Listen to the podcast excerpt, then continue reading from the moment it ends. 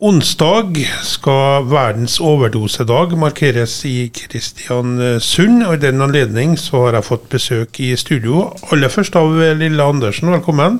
Takk, takk. Du representerer Frivilligsentralen og er leder der. Og Berit Elshaug Johansen, du er avdelingsleder forebyggende team. I psykisk helse og rus i kommunen. Ja, Og Eva Lervåg, som eh, kaller seg miljøvert Ledende miljøvert i Tempokjelleren. i Tempokjelleren. Også i enhet psykisk helse og rus. Verdens overdosedag, eh, markering av den. Hvem vil eh, først uttale dere? Ja, Markeringa av verdens overdosedag da, den 31. august er for å sette fokus på overdoseutfordringene og vise respekt til dem som har dødd av overdose og pårørende. Og Markeringa er jo òg for å formidle kunnskap knytta til overdoseforebygging og bevisstgjøre alle da, den samfunnsutfordringa som eh, vi står i. Ja, Hvor stor er utfordringa per i dag? Eh, Den har vært økende de siste årene. Eh, Det viser jo tall som vi har mottatt fra Korus òg, at vi i Møre og Romsdal har hatt eh, et høyt antall med overdoser. Etter koronaen. Ja, også om det har en sammenheng med koronaen, det er jeg usikker på. Men eh, det er i hvert fall skjedd eh, en endring. Hvordan er det med Kristiansund i forhold til andre kommuner? Eh, Sammenligna med de andre kommunene, så er Kristiansund en by som har veldig mye heroin, altså opiater, og at overdoseutfordringa i Kristiansund derfor er eh, fare for å være høyere. Spesielt heroin i Kristiansund? Ja. Spekulerende årsak til at det er det? Det har alltid vært sånn. Altså Årsaken det er vanskelig å si, men eh, alle tall og alle eh, som vi samarbeider med, og de sier det at Kristiansund er en litt sånn typisk heroinby. Mm.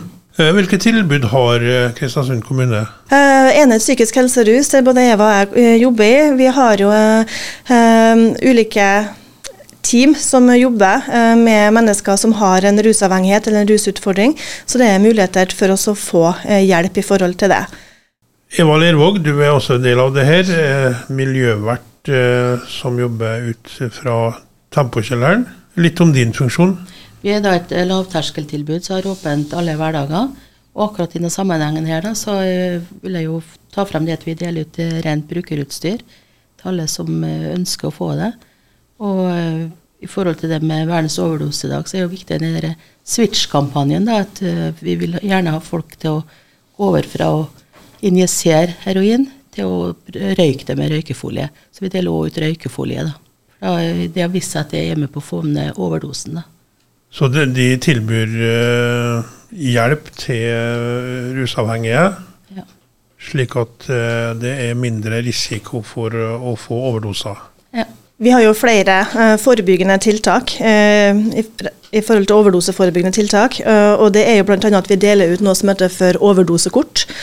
Det er et kort med, som er som et minibankkort, ID-kort-størrelse, som du kan ha i lomma i pengeboka. Og der står det hva du skal gjøre hvis det, er noen kamerater eller kompiser som får en overdose.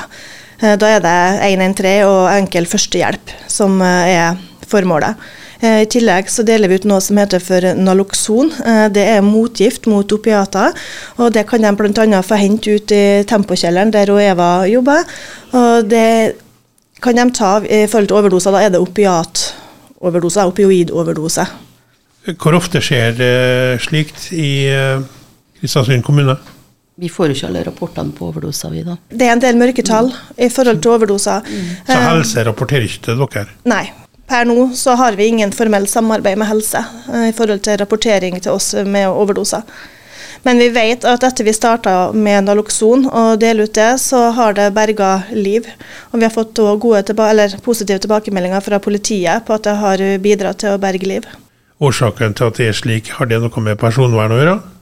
At de ikke har noe samarbeid med helse, mener jeg? Nei, eh, det har ingenting med personvern å gjøre. Altså, det er taushetsplikt uh, uavhengig av det, så vi vil uansett ikke få noe, noe navn. Eh, Det har vel litt med at eh, vi må begynne en plass, og det er først eh, de siste årene at vi har eh, hatt en veldig stor fokus på det med overdoseforebygging i kommunene. Utfordringene har alltid vært der, men eh, nå har vi eh, altså Helsedirektoratet har en egen handlingsplan mot overdoser som vi jo nå jobber ut etter. Og da er det mer konkrete tiltak, og vi eh, er mer fokusert på eh, hva vi skal gjøre fremover.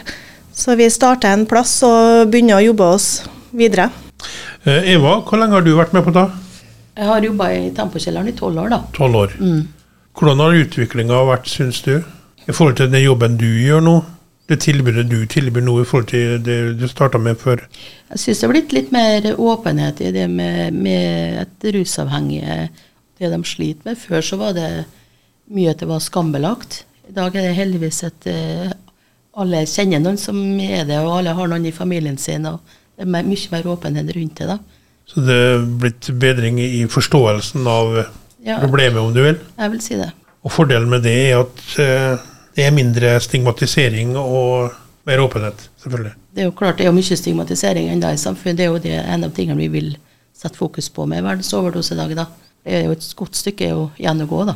Hvem av dere vil snakke litt om selve dagen eh, på onsdag? Eh, hva skal skje der? Det starter altså ved Kirkelandet kirke klokka tolv onsdag. Ja, det stemmer. Og varer et par timer. Kan alle komme? Ja, alle kan komme. Alle som har, eh, har en nærhet til dagen, for å si det sånn, kan komme. Og det er, jo, det er jo Vi håper jo at så mange som mulig kommer. Og så er det jo i utgangspunktet da starter klokka tolv, og så blir det litt uh, utdeling, litt mat, grilling.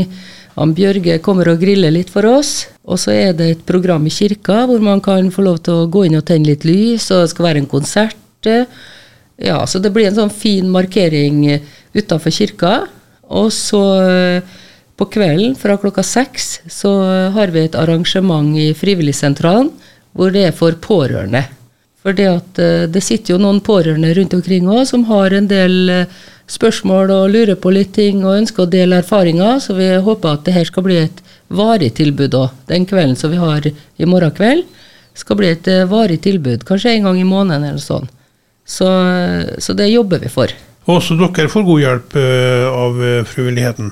Ja, det som er så fint i Kristiansund, er jo at vi har gatelaget. Sant? Og det er et lavterskeltilbud som eh, folk som har noen utfordringer, kan eh, komme og være med på å, å oppleve mestring. Da. Det er kjempeviktig. Og det å være i aktivitet, det, det ser man er, er veldig nyttig. Det kan være faktisk eh, nøkkelen til veien videre, for å si det sånn. Da kan du først komme i en aktivitet, og så, og så har du mulighet til å komme deg i jobb og, og så. Og, og så har vi golfklubben, som òg stiller på stand i morgen sammen med KBK eh, og Fellowman. Og golfklubben er jo, de driver et prosjekt som heter Ett slag videre.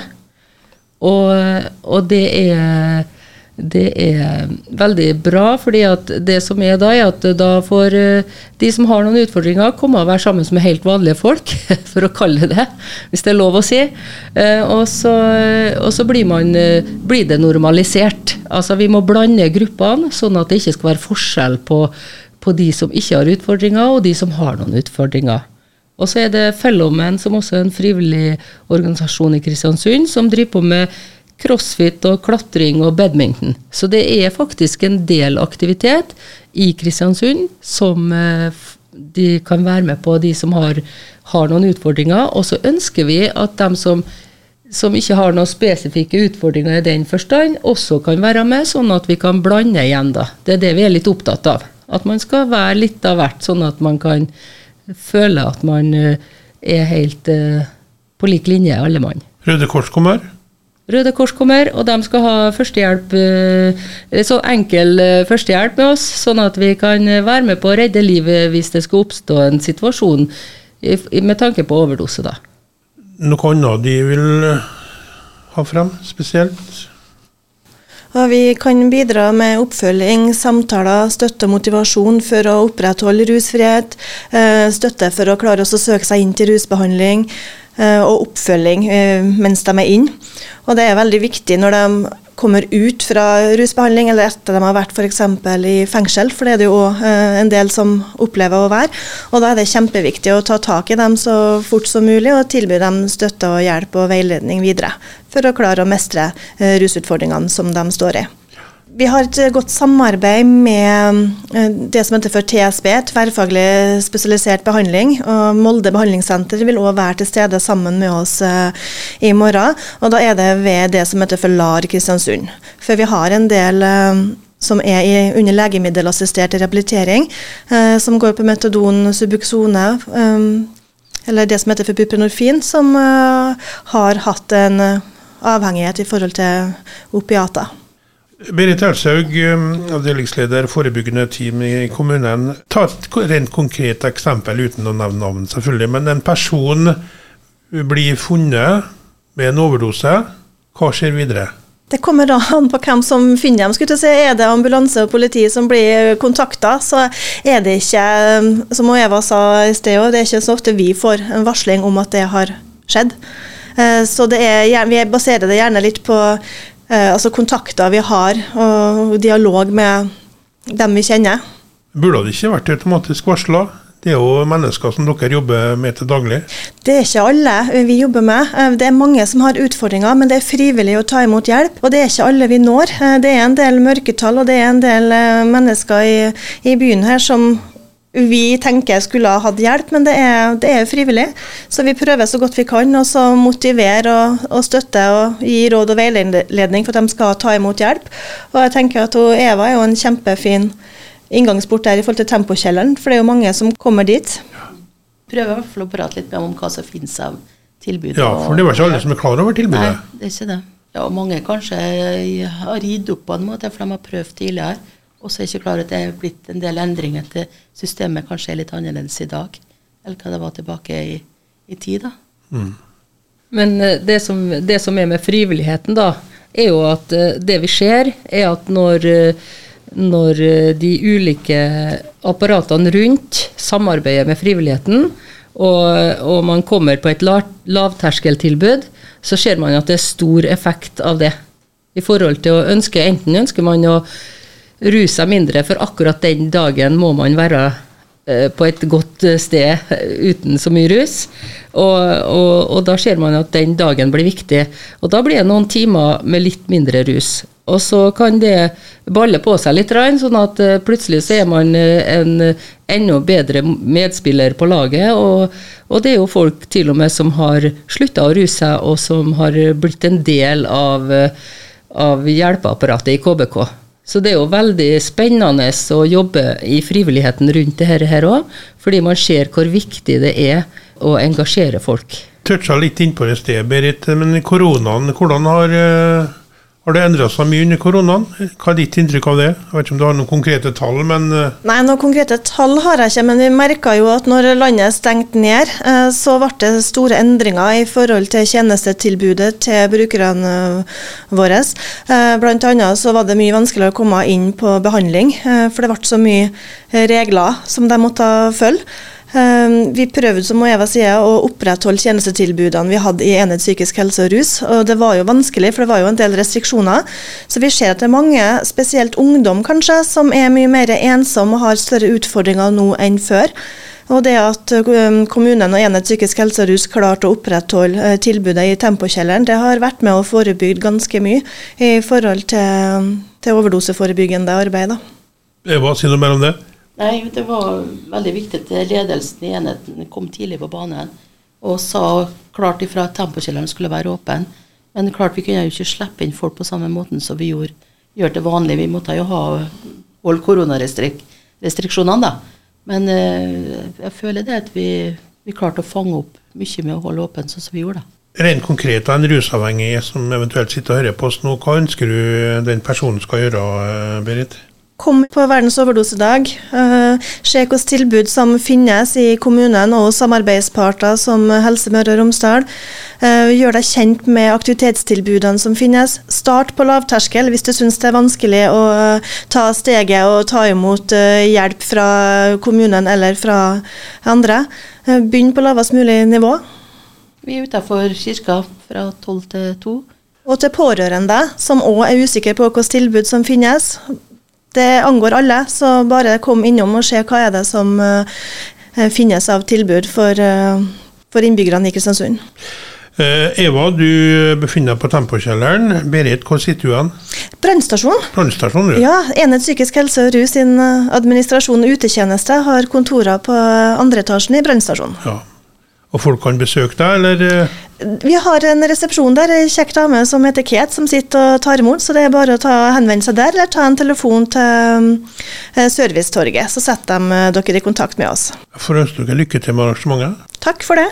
Hjertelig. Takk.